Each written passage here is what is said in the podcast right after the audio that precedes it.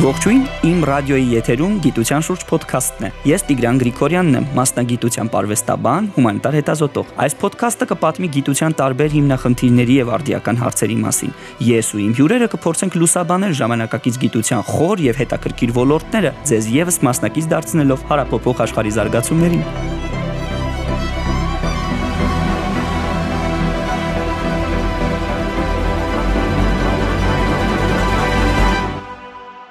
Այսօր իմ հյուրն է ճապոնագետ Արևելագետ Աստղիկ Հովանիսյանը։ Շատ ուրախ ենք ձեզ հյուրընկալել իմ ռադիոյի եթերում եւ այսօրվա զրույցի թեման կլինի Եվգենիկան, շատ հետաքրքիր մի, այսպես գիտական հասկացություն, որը պատմում է մարդու գեների եւ ժառանգականության մասին։ Խնդրում եմ կիսվեք մեզ հետ։ Ողջույն Տիգրան, ողջույն սիրելի ռադիո լսողներ։ Այսօր կպատմեմ ձեզ Եվգենիկայի մասին եւ մասնավորապես Ճապոնիայում Եվգենիկայի մասին։ Նախ ուզում եմ բացատրել թե ինչ է Եվգենիկան։ Եվգենիկան կեղծ գիտություն է, ուզում եմ նորից ընդգծել կեղծ գիտություն,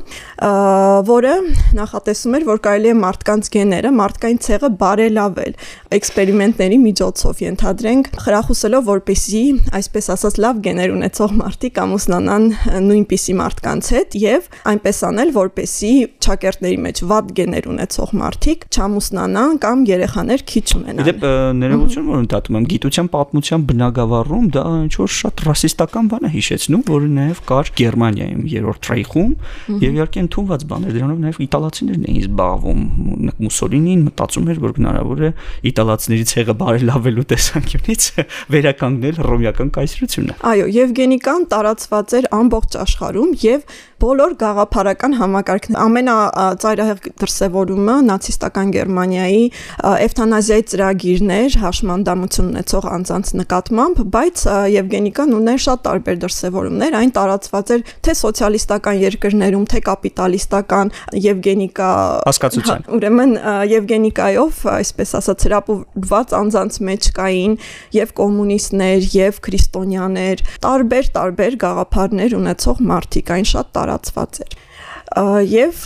ծագել էր Եվգենիկան Անգլիայում 10-րդ դարի կեսերին անգլիացի կենսաբան Ֆրանսիս Գոլտոնն էր եղել տեսության հեղինակը տեսության հեղինակը որը գիրք էր գրել ժառանգական հանճար անունով եւ փորձել էր ապացուցել որ կարելի այնպես անել որպեսի ժառագունությամբ հանճարեղությունը անցնի սերնդե սերունդ այսպես ասած եւ այդ տեսությունը շատ արագ իր տեղն էր գտել նաեւ Ճապոնիայում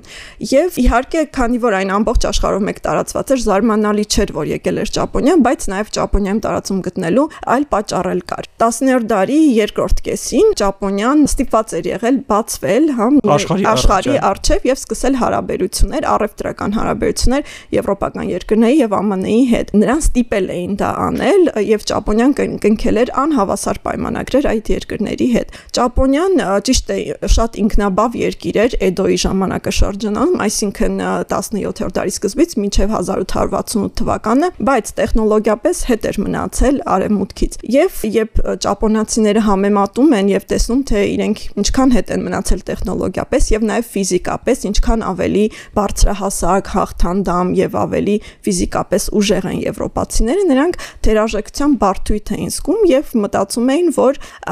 պետք է ոչ միայն արագ մոդեռնիզացվել, ստեղծել հարուստ տնտեսություն եւ այլ նաեւ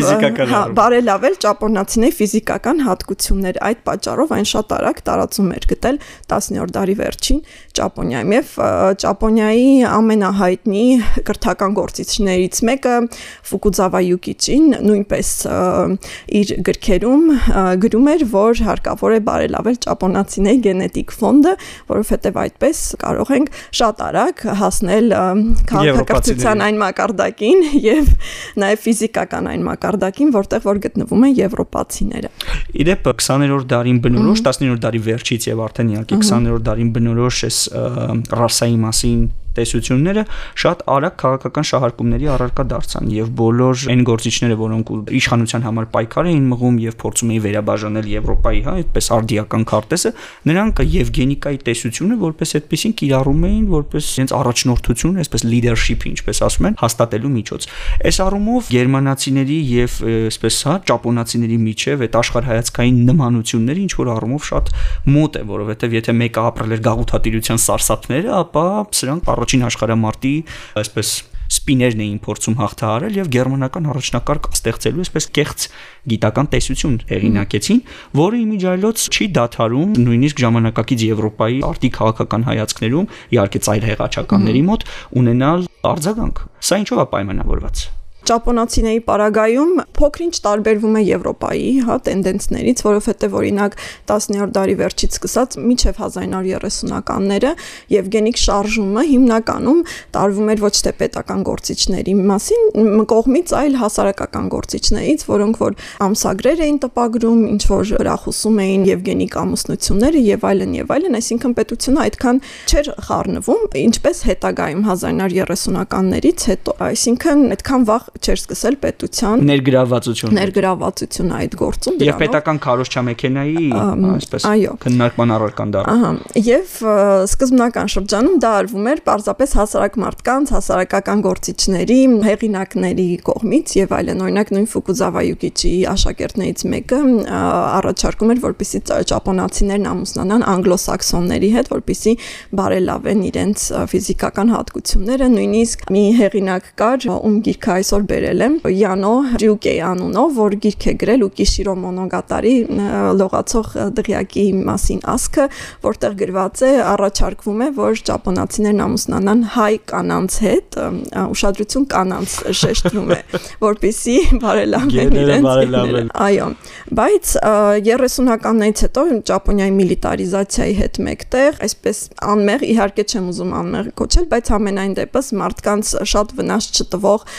ձևից վերափոխվում է ավելի վտանգավոր ուլտրաազգայնական այո եւ քանի որ ճապոնիան պատերազմ էր սկսել նախ Չինաստանում հետո հարավ-արևելյան Ասիայում հետո էլ նաեւ ԱՄՆ-ի դեմ էր պատրաստում գնալ պատերազմի նրանք ուզում էին նաեւ ժողովրդին պատրաստել դրան ֆիզիկապես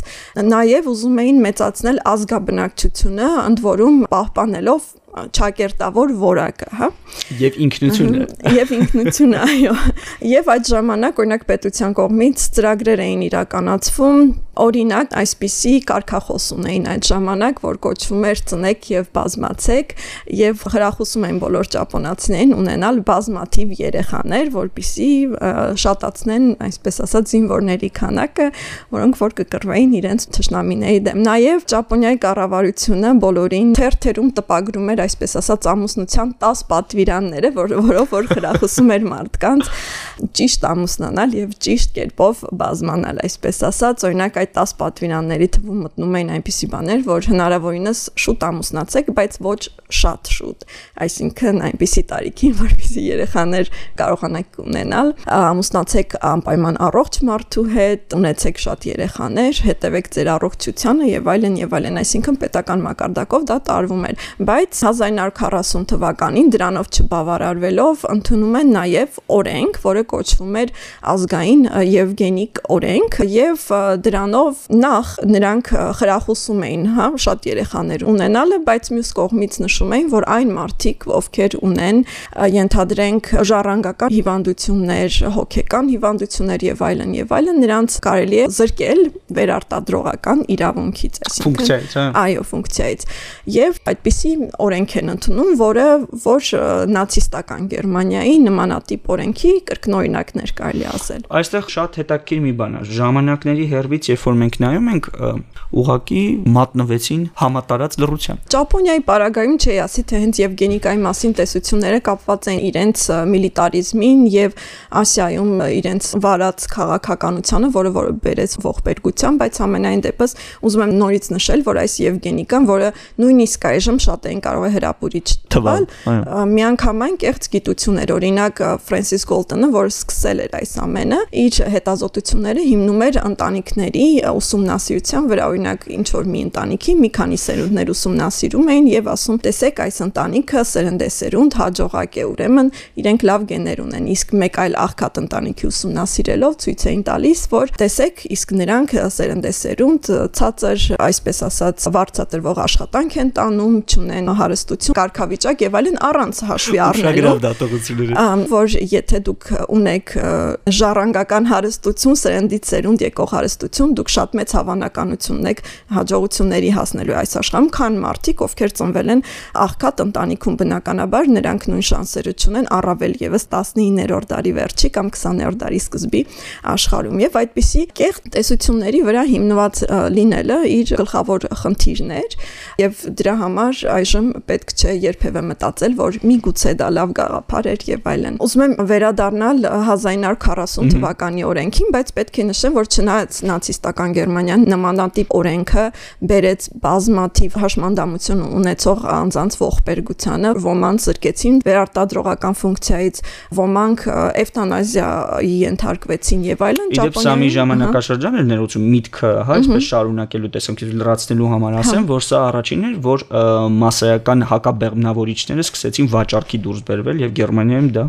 դարձավ այսպես բան։ Հակաբեղմնավորիչները Եվ ոչ միայն, այսինքն այդտեղ նաեւ օգտագործում էին շատ բաներ, որոնք մի ժամանակ կաթոլիկ, հա, Գերմանիան քրիստոնեական արժեքների վրա դաստիարակված հասարակություն, որը համարում էր աննորմալ, այսպես 40-ականների Գերմանիայի համար դիտվեց որպես առաջադիմական եւ կոնկրետ հարցեր լուծող գործիքներ։ Վստահ չեմ Գերմանիայի մասին, իսկ Ճապոնիայում հակաբեղմնավորիչները այդ ժամանակ արգելված էին բացի պահպանակներից, իսկ մնացած բոլոր հակաբեղմնավորիչները եւ գործիքները, որոնք կարող էին օգտագործել դրա համար, Ճապոնիայում արգելված էին։ Ճապոնիայում ավանդապես մինչև 19-րդ դարի վերջը միշտ ազատ են եղել եւ աբորտները եւ նույնիսկ իրենք ունեցել են հակաբեղմնավորիչներ, նույնիսկ 17-րդ, 18-րդ դարում իհարկե դրանք այդքան էլ լավ չէին գործում, բայց ամենայն դեպս ունեին դրա մասին գաղափար։ Ու DJ-ի կարծեմ բաներում, հա, քրոնիկներում հիշատակվող եւ դրանք նույնիսկ մանրանկարչական օրինակներ։ Մանրանկարչական ոչ, բայց բժշկական գրքերում պահպանել են օրինակ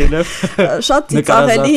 շատ ծիծաղելի մեթոդներ են իրականում, բայց ամենայն դեպս կային եւ ճապոնացիները Էդոյի ժամանակաշրջանում բազմաթիվ երեխաներ չէին ունենում։ Ընտանիքում լինում էր 2-3 երեխա, նախ որովհետև շատ երեխաներ մահանում էին փոքր հասակում, հետո այդ ժամանակ դժվար էր ուտելիք հայթայթելը եւ այլն եւ այլն, այսինքն ընտանիքներում երեխաների քանակը շատ սահմանափակ էր, բայց Մեիջիի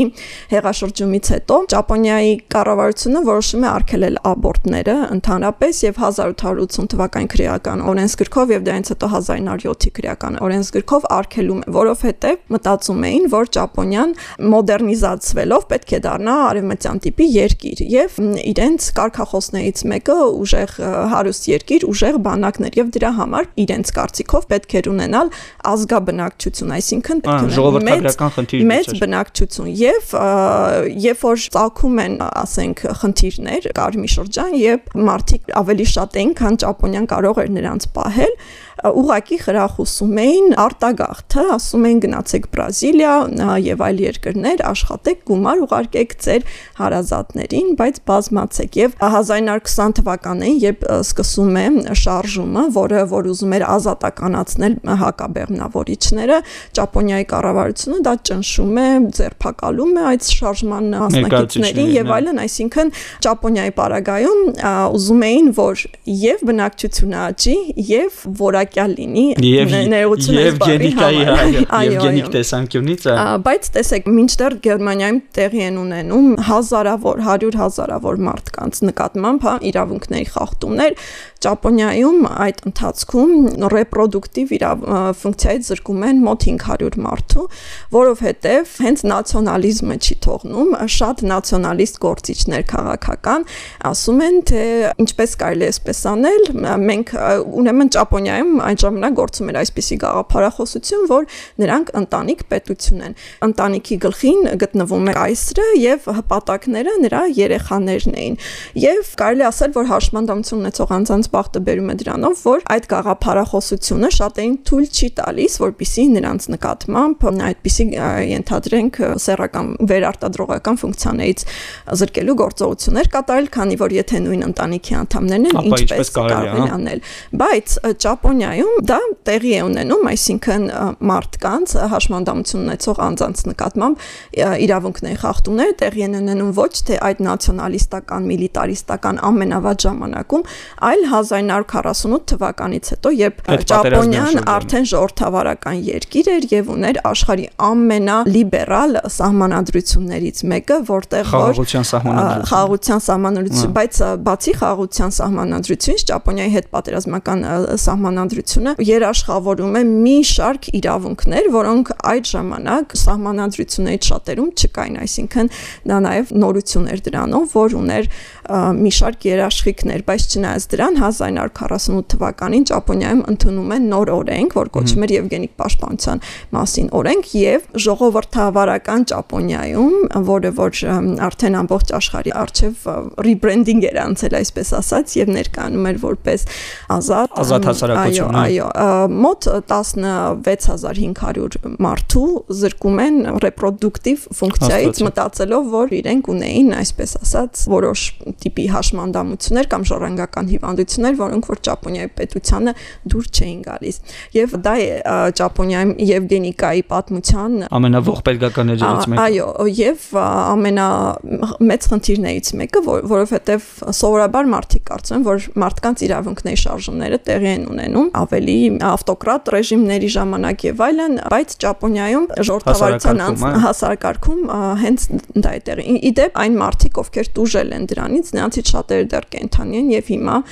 դատի են տվել Ճապոնիայի կառավարությանը եւ պահանջում են փոխհատուցում իրենց գրած վնասի համար։ Շատ լավ, ուրախ եի շատ ձեզ հյուրընկալ իմ ռադիոյի տաղավարում։ Շնորհակալություն։ Եթերում գիտության շուրջ զրույցներ։ Ես Տիգրան Գրիգորյանն եմ, այսօր մեր հյուրն է Ճապոնագետ Աստրիկ Հովանեսյանը։